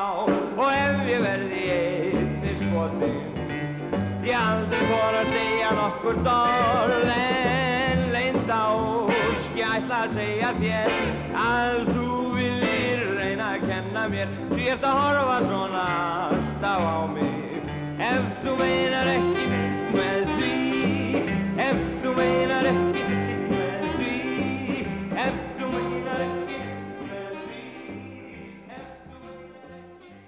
Vertu ekki alltaf, Vertu ekki að horfa svona alltaf á mig. Þetta eru þetta Rækki, þetta sko, þarna eiginlega þetta lag verður ekki bara vinsalasta, lag ársins. Þetta verður eitt af kannski topp 20 vinsalustu lögum Íslands sögunar Já, já, og, og, og, og ég held að, að, að já, það heldur svo lengi, sko. Það er ennþá. Já, já, 40, hvernig var þetta, 60, 49 ára síðan? Síðan þá er ég ennþá að syngja þetta og krakkarnir mér sér kunna það textana. kunna þetta allir. Kunna og, og, og, og, og það er einhver galdur það er einhver galdur í textanum það er einhver galdur í hérna í, í skal ég segja þér eh, hérna spilamennskunni já, þetta eru Líka, danir sko. þetta eru danir, þetta var í Danmarku það tekið upp í Danmarku Nei, já, heyrðu snild maður, segðu mér, Já, segðu þetta mér var þú sko- fært til Danmarku 1960 já þannig var að við það var nú einvillis sko, að við fórum KK uh, sagði mér, Raggi, komdu með mér til Kaupanum og síngdu hérna á, í KB-höllin í Kaupanum það er keppni og þú ert að taka þátt í því og, og sjá hvort þið vinnur ekki eitthvað. Og hann hafði búið að gana því svo söngi ég eitthvað lag á þessari keppni sko. Dick Kápi Pass- höllunni, þetta er mikið smástaður Nei, nei, Dick Passer var þarna og alls konar eh, lið sko. Já, og var flott sko. Og Dick Passer það fyrir þá sem veit ekki ekki var, var eitt frægasti leikari gamanleikari Dana, Dana. Já, með frikjuskarð já, það er íðlega skemmtilegu Já, og hérna, en það kom ekki nóg margt fólk. Svo það mætti ekki nóg margt fólk. Og svo uh, þegar ég var búin að syngja þá komið fullt af blaðamönnum og allt saman. Og ég sagði var mú að það stæla sig talaði við agenti minn og Kristján fæk mikið út úr því hann gæti ekki hann hann talaði um það endalust Já. ég sagði talk to my agent. Svona rugg sko, svo klikkaði allt því að gæinn sem að sko held þetta allt saman. Þegar hann sá að var ekki meira fólk heldur en- en 500 eða 700 eða 1000 eða hvað var að þá, þá stakk hann af með alla peningana. Nei, Jú. Snild og Þetta með þetta var í öllum blöðum daginn eftir og allt vittlust í, í kaupmannafn út af þessu sko. Hann, hann stakka af með alla öyrana sko. hann bara fór út í miðasöld og sótt allt í törskuna og fór, fór með allt. Í- og allt blöðum og þá var ég að fara að syngja þetta inn og þá var Káká með mér, hann átti ekki að vera á þessar blödu nú, nú. Svo ég byrð hann um að, að spila þetta með mér og það muna alltaf rosalega mikið um saxofónin í, í læginu. Já, það rokkar það svo upp. Svo hérna vorum við þessum páskana og þá, og þá segir, þá á páskadag þá er svo ekkert hvað það að gera, sko. Allt lokað. Voru þarna nokkri, einar orgis hóttistjóður og einhverjir. Og Káka og ég. Og við fórum til Svíþjóðar með einhverju ferju, sko, bara þú veist til að gera eitthvað. Og þar var ítalsband Um borðið ferjunni? Já, hún borðið fyrir henni og ég fór og, og káka sæ bara, og syngdi með þeim volari. Og, og, og það var eina textin á ítölsku sem ég kunni bara eins og íslensku. Því ég var búin að syngja það inn með kákasestinum og það voru einhverjir ítala allan tíman í kringum okkur svo, svo kendu mér alveg þetta allt á ítölsku. Og skrifa þetta frambyrði og ég var alveg rosa flottur í ítölskunni og þegar ég var búin að syngja á ítöl þá veldi þetta að ráða við ljóstir að ég var svo góður í ítölsku Nei, ég Bella, Bella Raggi Bjarnar, tuttu ben ég kunni ekki það eina texta En vakti lukku. Já, já, það var við Heyrðu, og, og þið Þú tekur þetta lag upp hérna, Káká spila með setur þennan rock saxa í þetta. Já, og öll þessi lög sem að voru í tekin og þetta lag sko verður hróðalega vinsælt. Þetta er alveg bara allt allar vítlust þetta var sko, já það er, það er svo a- annað lag sem við hefum eftir að heyra setna mér sem að kannski svo endalega gerir það verkum að, að, að hérna að þú verður þjóðar eign en þetta lag sannarlega sko gerir þig að vinsalasta söngvara Íslands já, já, það- já, þannig sko þú skýtur þeim öllum bakvið haugi Já. og öllum þessum köllum sko já, þegar sko lægi gerði það náttúrulega já, já, þe- þetta já var bara svona er þetta Já, svona er bara Já, basinn, sko. það- það er bara að þannig. Dettu nýra og það. Já. Við værum öll með svona lög, við vissum alltaf hvað það væru. Hvað heldur já, já. Og hérna, þegar að þetta lag kemur út og, og fer að heyrast í útarpi, þá verður það sprjálað. Já, það verður allt villust.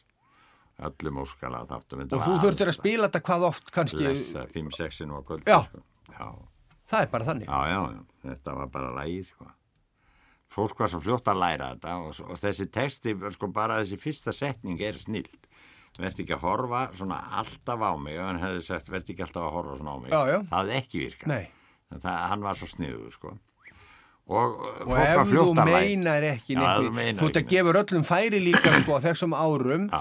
er, svona, er, er ákveðin viðhórsbreytingi þjófélaginu milli kynjan og annað Já. en þetta, ég menna þetta gefur nú aldrei strák tækifæri eða stelpu Já. til að hafa eh, eins og maður segir á ennsku sko, til að stíga fyrsta múfið Já, að geta sagt svona sko ha, Þetta var vertu frasi. ekki, þú veist ef þú meinar ekki neitt með því þetta er bara, að- þetta er bara stikkorð Já, og, og, og, og já, þetta er, þetta er magnaf þetta og var síðan bara frasi, sko, sem að við gekkum allt og... þetta bara eh, gerir sko þetta að mínu mati er þetta eitt svona fyrsti alvöru una, rock textin að mínu já, mati. Já, og þetta er það nú, sko. Þetta vegna þess að eins og þú segir þú byður hann um ekki að, að semja um sjó, ekki um Nei, sveit já, ekki neitt, reyna bara að fylgja þessu sem næst, sko, og hann gerir það með þessari snill, sko, já, hann gerir það að sínu. Já, hann gerir það sínu, sko, alveg, og, og hérna síðan hérna er annar lag sem að ég ætla að hoppa aðeins til baka sko. Já, og, og það er tekið 1957 og það er eftir Williams Catton og Óli Gaugur Þórhalsson og KK Sextet og þetta er 78 snúningaplata. En þetta er lag sem að ég söng út í eitt sem krakki og, og það er Flökkujói já, já, og þetta var lag. Já, það var og svona gríðarlega- country, gríðarlega vinsælt. Og hérna manstu, var það bara tekið af KK60 ég held að þetta hafi verið tekið upp á tónleikum í Östubabíó, ég held að að, ég held að það verið tekið þar, því að Ingi bróðir Kristjáns, Magnússon á pianista, hann var líka í þessu, og þarna spila, ég manna Guðmundur Stengriðsson trommari spilaði þarna á gamaldags hérna þvottabretti. Til að hafa þetta svona ennþá meiri country sko.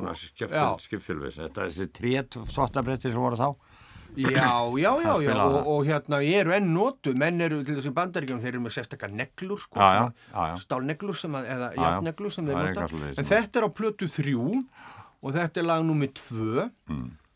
fyrir þá sem að vilja endilega vita það. Já, og lagið er þýtt sem flökku jói.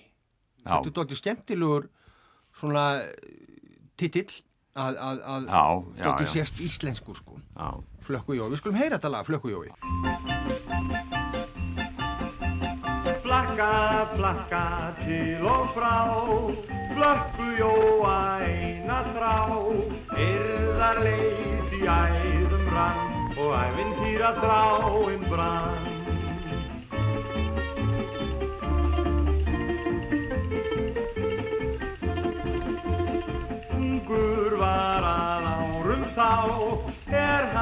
För að heiman lá, fór af stað í framaleit, og gangandi ón úr sveit.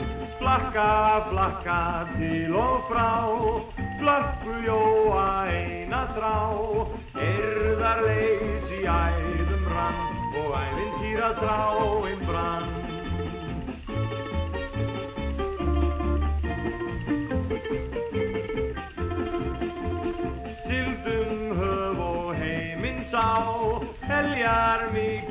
Skarpur þá, dansinn steig og drakk af list, og þaða gat hann lík og kist. Flakka, flakka til og frá, flökku jóa eina þrá, yrða leys í æðum rann, og æfintýra þráinn brann.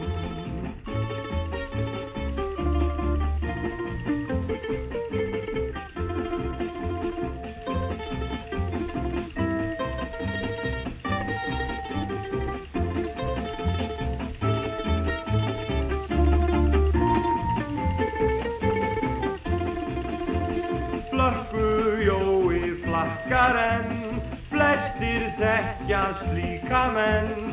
Flakk í blóð þeim borið er og bent á flakkjuna sér.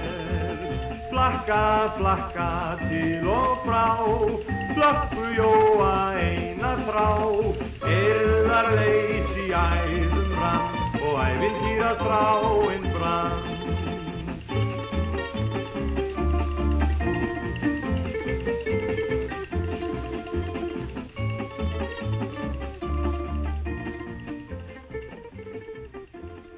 Flökku Jói heitir þetta lag eftir Williams Cotton eh, lag sem að ég söng mikið sem barn og, og man vel eftir í mitt eh, Söngstu þetta mikið? Já, ég söng þetta alveg, ég var með þetta á heilónum ró, ég man eftir mér í rólu að róla sko, Já, sem krakki. Já, og syngja þetta sko. Já, Flökku Jói, alveg sko því líkt en þetta er á, á þessum árum sem þú ert með KK og og KK sagt þetta á bara markaðinn og, og er stórveldi Já, já, hann, í, hann, í, í íslenskri dægutónlist og, og, og þarna sem sagt að komast í, í þetta band var þetta Já, aðst í draumur allra tónlistamanna og það sem meira er þeir voru þjættar en allt sem þjætt var. Já, hljómsveitin, hún var svakalega góð. Og þið æfi fjórum, fimm sinnum í vík Já, já, þetta var gert alminlega, sko. Tvo, þrjá klukkutíma. Já, svo tveir útsittirar, Óli Gaukur og Jón. hugsaðir, sko, professional alveg Svo, alltaf, svo þegar verið að stríða mér og djöflast í mér út af textónum, ég nenni til að læna texta. Er það, er það að þú nennir ekki að læra eða er þetta bara að þú nærði ekki að læra sumir Jú, jú, ég get alveg lært texta, ég nenni bara ekki að tímja. Ég skil, ja, það er bara þannig Ég, sko, þetta kom til, ég segir þetta hvernig þetta kom til, Minn, ég skal segja það. Þegar ég var í þessum hljónstum, bæði KK og ég svar ekki svona, þá, eins og KK voru tveir útsendirar Já, og þá var allt lesið að nótum. Þú veist, ég Já. fekk bara nótur skil þig með textanum inn á. Já, og það, ég, þetta voru lögin. Og þeir voru tveir að útsetja, ég fekk kannski fjögur ný lög að dag og og uh, þú veist, og maður, þá fór maður að velta hvað af þessu meikar sig, sko. já, En ég varð að læra þetta allt. já, já Og, og svo lærði ég náttúrulega takmarka því að þú veist, maður gæti lesið þetta nótunum, svolítið, sko. Og uh, þess vegna datt, he- sko, svo voru kannski eh, þessi lög ekki spilinu einu sem tvisar, sko. Svo kannski eitt af þessum lögur sem maður var að spila eitthvað áfram, en hitt eða datt út, þannig að þetta var svona framleiðsla á músík, sko. skil þig Og ég var ekkert að liggja við því ég var ekki svo elli, sko, hún gæti lært text á fimm myndum. Já, með svona fótóminni Algjört fótó. Já, Og hún sagði, var gaman að hún sagði henni sinni í sjónvarsvitali sem hún, og viðtal við hann í sjónvarpinu, viðtal þáttur við hann í sem er til. já, Og hún sagði, sko, það sagði sjónvarskonan, hva, hvað finnst þér nú um Ragga Bjarnar? Hún var ekkert að tala um hvort ég geti sungið hann eitt. Hún sagði, það væri bara einn hlutur við, Ragga Bjarnar sem hún skildi aldrei nokkuð til hann eitt í. Og hún sagði, nú, og hvað er það? Ég fekk nefnilega ekki möppu sko fyrir ég var búin að vera 30 ári í brasanum. Ég var alltaf með textadrasli í plastboka. Og svo þannig, þegar hann stakk hendinni niður og ránkóldi augunum og kom alltaf um mér rétt að texta. Það er líka staldri við það. Og hérna var það þannig? Já, var það. Já, innur Þetta er líginni líkast Já, það var... Heyrðu, hér kemur nú lag sem að, sem að hérna, sko, enn eru við stattir í Reykjavík hafta árana.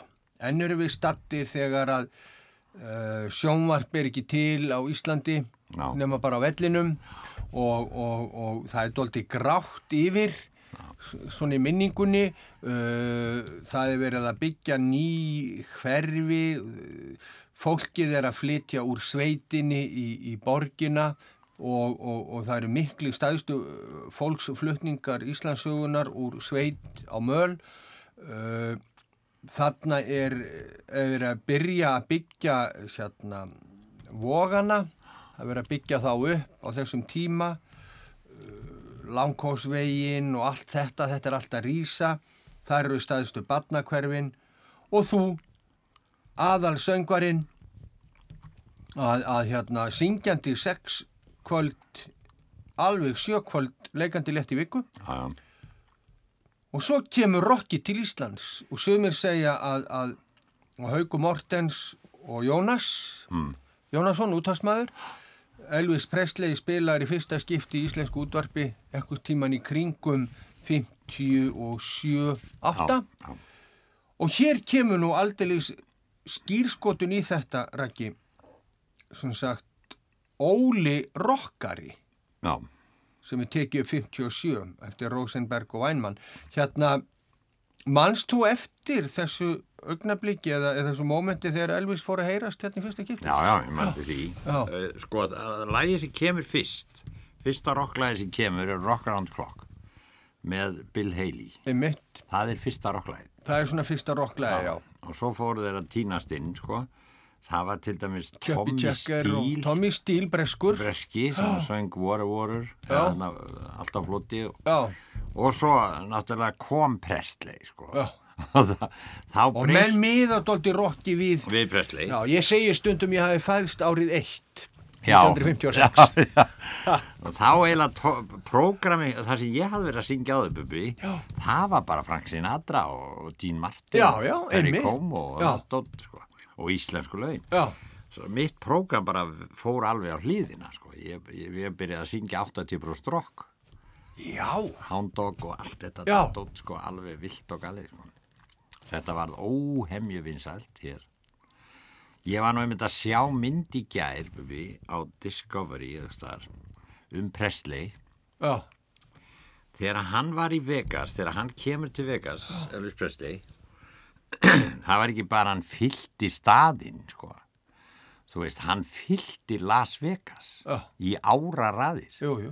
þeir sögðu það þarna sko ykkur sem hann var að tala við að sko Presley bara tók Vegas og laga eða sko það var bara það var ekkert að gerast niður. Nei, nei, í raun og veru þegar hann kemur þarna voru hann fullt að skemmtugröndum en engin svona Big Shotar eins og hann og hann tók bara, það var allt, það var hótelin það var restaurant, það var allt, það rauk allt upp úr öllu valdi. Jú, jú. bara út Jú, á honum. Það er rétt og svo kom, kom í kjölfarið en samt nokkrum ára setna Tommy Jones, Tom Jones já, og svo kemur hann sko, og, gerir allt brjálað en og- hérna Óli Rokkari uh, Já, ég man með þessi eftir því, því ég fór upp til Jóns og sagði, nú sko við fannum með Rokki út í sveit. Nú fyrir við Rokki út í sveit. Ok, sagði hún, nú fyrir við með Rokki út í sveit. Og þá gerði þetta, Óli Rokkari, sem er alveg frábær texti. heyrðu, heyrum þetta Já, Áður var svo friðsælt í sveið enga stað á jörðu. Ég veið indislegri henni. Um vor aldrei dó þar nokkur. Úr hór húu bar þá hefstjórinn og hristi pottu oddininn með búfjö á bein Upp í dalnum bjó hann Óli undir brattri hlýð. Skjóli átti börni nýju og frú átta tíu kú lifða því sem landi gaf og flesta nætur fastan svo sem frúinn hans veit Ú, öðruvísi var hann. Áður, ekki var þá neinum. Háður, hann var þá að hverju. Balli, hann var alltaf reynt á. Ralli, kunna dansa hvað sem var og kristi fasta stömmunar og kisti. Það er heit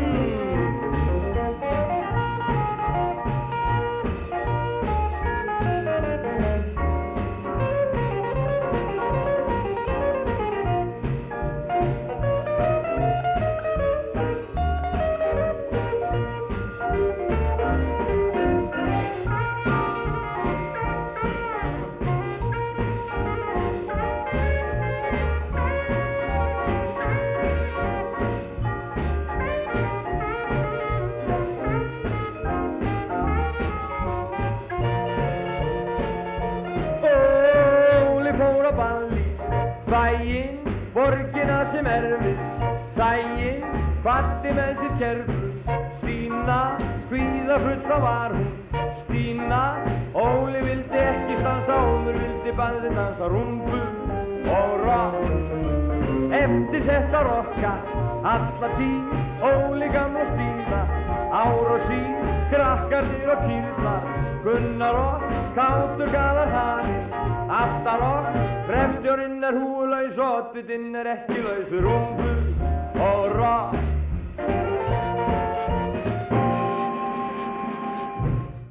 Rock, rockið komið í sveitina. já, alveg sko í orðsins fylgstu merkingu, þú heyrir það. það er Já, allt í- Óli Rokkari allt í átti, fínu lagi áður átti, en- átta, tíu kindur og kú. Já, og undir glaði við sitt, sko, en, en átti það til að taka snúning. Já, já, það rokki kom, það drindist það. Rússajepparnir og, og, og, allur pakkin. Andurfækin. Og hérna, þetta lag var vinsalt, Já, já, mjög vinsalt. Alveg gríðarlega. Já. En þarna er, ertu komin á hliðina, þarna bara er, er rockið komið til Íslands og það er að byrta yfir öllu svona, það er einhvern veginn, það er meiri eh, von í lofti og, já. og, og það er svona, það, handan sjóndildarhingsins eru bjartari tímar Já, sko, framöndan. Þetta var svo spennandi, þetta var svo spennandi Það var allt nýtt. tími. Var allt, Allt nýtt. Það var svo gífulega spennandi tími. Það var, sko, það var ekki náttúrulega all, all þessi, allt þetta flóð af entertainment eins og núna, sko. Þetta, þú sér að við gáttum haldið, sko, tónleika í Östubæði og kannski tíu skipti bara hljómsveitsagarskess. Hugsaður. Já, tíu sinnum. Það er bara 9.000-8.500 manns. Já. og, og, og þú veist það var allt svo gaman það var allt svo nýtt og það var allt svo spennandi og það var, það var opbóðslega gaman að lifa á þessum tímum og vera í þessu stöðu náttúrulega sem að ég var í var náttúrulega alveg indislega Já, já, þetta er einhvers konar gullaldar tími sko með það að gera vegna þess að, að, að í dag er þetta þannig að meiri sé að þeir sem hafa hæfileika og geta eitthvað, þeir jættir ná ekki gegn. Nei, nei, og, og það má kannski segja það að ég sé seinasta sko seinasta fyrirbæri sem að næri skotti þannig að, að, ég- að verð svo Já. stóra á þessum tíma áður en allt verður brjála. þú, þú kemur líka sko, þú, þú gerir, þú kemur eitthvað nýtt, Bubi, þú ert öðruvísi sko, þú ert allt, allt öðruvísi og það er, það er oft sko, það er oft það sem gerist sko, þegar að menn koma, eru fróir og komi eitthvað annað, þú fer að tala bara um þitt líf og, Jú, jú. og syngja um, um venjulegt fólk og, Jú, og allt þetta. Svo þetta það- er það einhvern veginn það hefur frá þeim tíma í rauninni að, að, og þá erum við að tala um sko burt sér frá bubba eitthvað slíku, þá erum við bara að tala um allt, allt í, í þjófélaginu Já, síðan er bara, í dag er þetta þannig sko að menn bara sitja heima og dælu út plötum bara já. tölvuna. Já, já, já, ég, þetta er orðið allt, allt öðruvísi. þetta er allt öðruvísi. En þarna, þarna er Ég í rauninni, þú ert bara tiplandi í gullinu þarna. Ha, já, já, já, hver við blessa, verðstu maður. Það var engin að pæla í gullplötum að ég seldi, vorst ekki að horfa, seldi til 7-8 þúsund eintökum, held ég. já, Það sagði mér einhver, sko, fyrir einu ári síðan eitthvað, ég vissi aldrei neitt um þetta, ég, skil- maður fylgdist ekkert með þessu, sko. nei það var bara ekki stemmingin Neini, Nei, maður nei. bara fór og söng. og en tekur eftir á þessum, sko, þessum árum 58 og 60 er að koma inn það er breyting í loftinu það er alltaf, að, það er gríðalig Þetta gerjun er svona einhvern veginn, þetta Já. fer svona upp Já. og breykar allt, sko. Og- breykar. Já, og, og, og, og þið í rauninni, þú, þið sitið doldið í stafni og sjáu þetta Já, gerast. já, við sjáum það, já, Já. heldur betur, sko, kákasestin og, og þessi músík sem við vorum að gera. Svo náttúrulega, sko, kemur lút á 60 og eftir því og síðan koma, svo koma böndin alveg hvert af fætur öðru. Það má í rauninni með sannig segja, þú ert önnur kynslu, þú Já. ert önnur kynslu dægurlaga söngvar á Íslandi. Og í dag ertu, Já, ég get bara sagt þér frá fröndaðinum, sko. Þegar hann var með pappa, hann, hann, hann Haugur, Mortens, hann var bara eins og Guð. já, þú veist, þegar, þegar við vorum ég var, ég var með sko. ég var nú ekki fann að spila á tromma þá ég var mið, fekk að þegar ég var strákur og, og hérna þá fóru þeir um landi sko. og það var bara sko, haugum mortis maður, það ætlaði bara allt nýður að keira sko, þegar, þegar hann kom. En það var hann, hann haugur var æðislega góðu söngvari og hafði alveg sérstaklega tilfinningu fyrir, fyrir því sem hann var að gera bæði ljóðu og lægi og svo var hann entertainer Jú, jú. bestu gerð. Hann var, sko, hann var skemmtikraftur hann akkurat. og það var, sko, ég man alltaf eftir á, á, á samkomúsin á Akureyri, þessi leikhúsið núna, Já. þar voru börlin Já, já, já, og þegar hann kom fram, sko, það var, það var allt brjálað inn í já, Já, það var æðið. Það er bara þannig. Já, það var gaman að vera náttúrulega. Hann Ég hlusta á hann, ég segja- verða að segja það. Ég eh, var í sveit í öndurinn Sigrinstinsi og pappi var að koma austur á Minniborg að spila og Haugum Mortens var í, var í hljónstinni og þeir komu í öndarinn eins og borðuðu áður en þeir fóru að spila og ég fekk svo að fara með og þá var ég nýjára, Haugum var nítján og ég fekk að fara með austur í borgi Kristinsi og stóð í dyrunum með höguna nýr á bringu í þrjá fjóra tíma og hlustaði á Haug það var æði, skil, ég gleymi því aldrei hann í lífi. En þið náðu aldrei að syngja saman, Nei, þess vegna er ég að tala um, við verðum að Já. gera það. Ég verð Já. að syngja meðilega flest af ykkur áður, áður en ég Það, ég er alveg sammálaðið því, þetta er auðvitað synd og skömm að, að, að, Já, að það skuli ekki sé gerst vegna þess að, eftir því. Það var full ástand.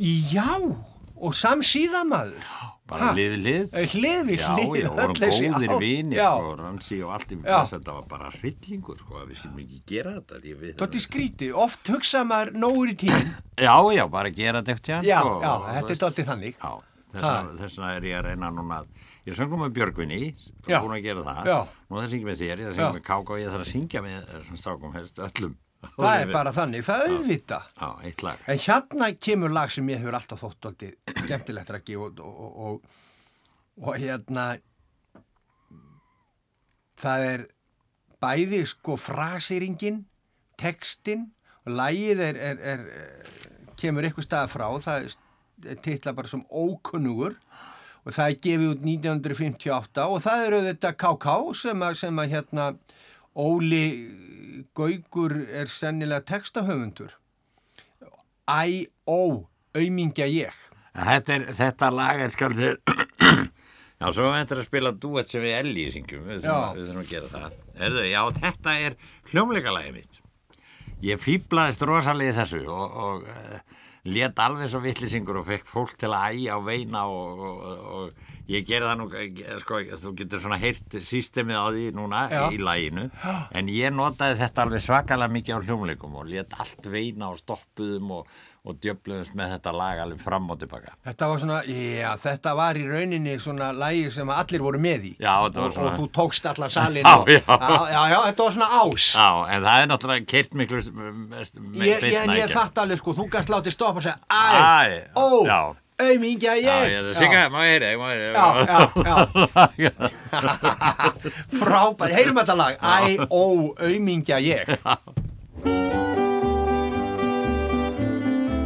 Odísa ó, æ, aumingja þú, Odísa ó, æ, vilt verða frú, Odísa ó, æ, aumingja þú, Odísa ó, æ, hlustaðu nú, hún Dísa er svo skverlegasta skvísa sem ég veit, hún syngur um hann Óla sem á búfja sitt á beit, Hún dansar allan daginn, svo dátt um allan mó.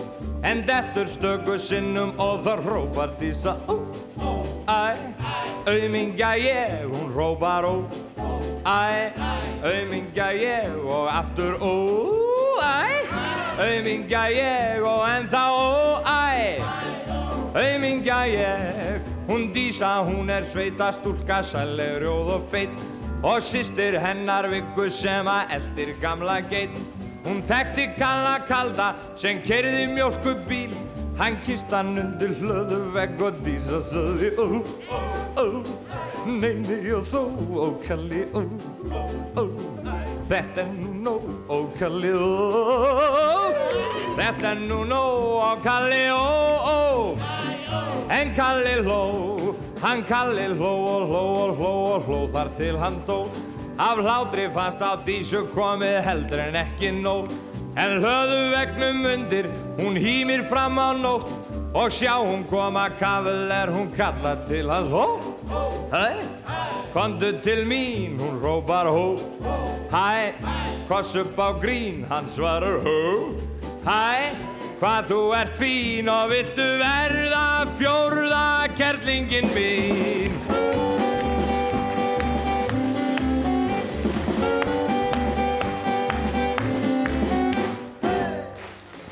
Æ, ó, aumingja ég. Þetta var KK, Óli Gaugur sennilega gert textan. Hann er alveg frábær textaðundur. Hey, Ég heyrði það líka á jólalæginu sem hann var að spila með dóttu sinni núna um, um jólin. Hann hann er snilling og Gaukur. Já, Hann er, hann er eins og Jón, þeir voru, þeir voru nema Jón ger ekki testa, uh, Jóhanna konans Jóns ger testa, en, en Gaukur getur gert allt Já, alveg ég er mjög, hérna, mjög imponeraður af, af, af, af, af Óla Gauk. Ég eiginlega verður bara að segja það að, að því meira sem að árin færast á mig, því meira sé ég hversu snjall, flottur og klár hann er. Já, hann er alveg snitt. Ég var voru gaman, ég fekk þá báða til þess að koma við bjöngum kákasestin til Já, og Gaukur og Guðmundur Stengris, Já. þeir voru með mér. Þeir komu á tónleika. Já. En við erum komnir að leiðarlokum í kvöld en við erum ekki hættir því þú ætlar að vera hjá mér líka næsta mánudag. Mánudags. Kvöld vegna þess að, að reggi minn, það er nú bara þannig þegar að menn ná háum aldri og eru spriglandi fjörir og ungir og fyrir þá sem að vita ekki sko þá er það ekki fyrir uh, neitna gisk á að þú gæti sko verið komin yfir sjötugt heldur værið miklu frekur maður rétt skriðin yfir sextugt með að hvað þú ert frískur og bubbi minn. Já, það er nú lítið, en við ætlum að halda áfram næst komandi mánudagskvöld með söguðína rækki því að, að, að hérna okkur dögar ekki sko eitt þáttur, það er nú bara þannig. Hlustundu góðir, ég vona að þið hafi nú haft gaman af og notið þess að, að vera hérna með snillinginum töffaranum Raka Bjarnar og við heyrumst aftur Mm. næsta mánudagskvöld ég byrð ykkur vel að lifa þanga til og já Úlfildur teknimaður minn í kvöld eins og svo oft áður. Byrður að helsa ykkur líka, ég veit það. En við reggið segjum bara bless bless þá til næsta mánudagskvöld Takk fyrir. já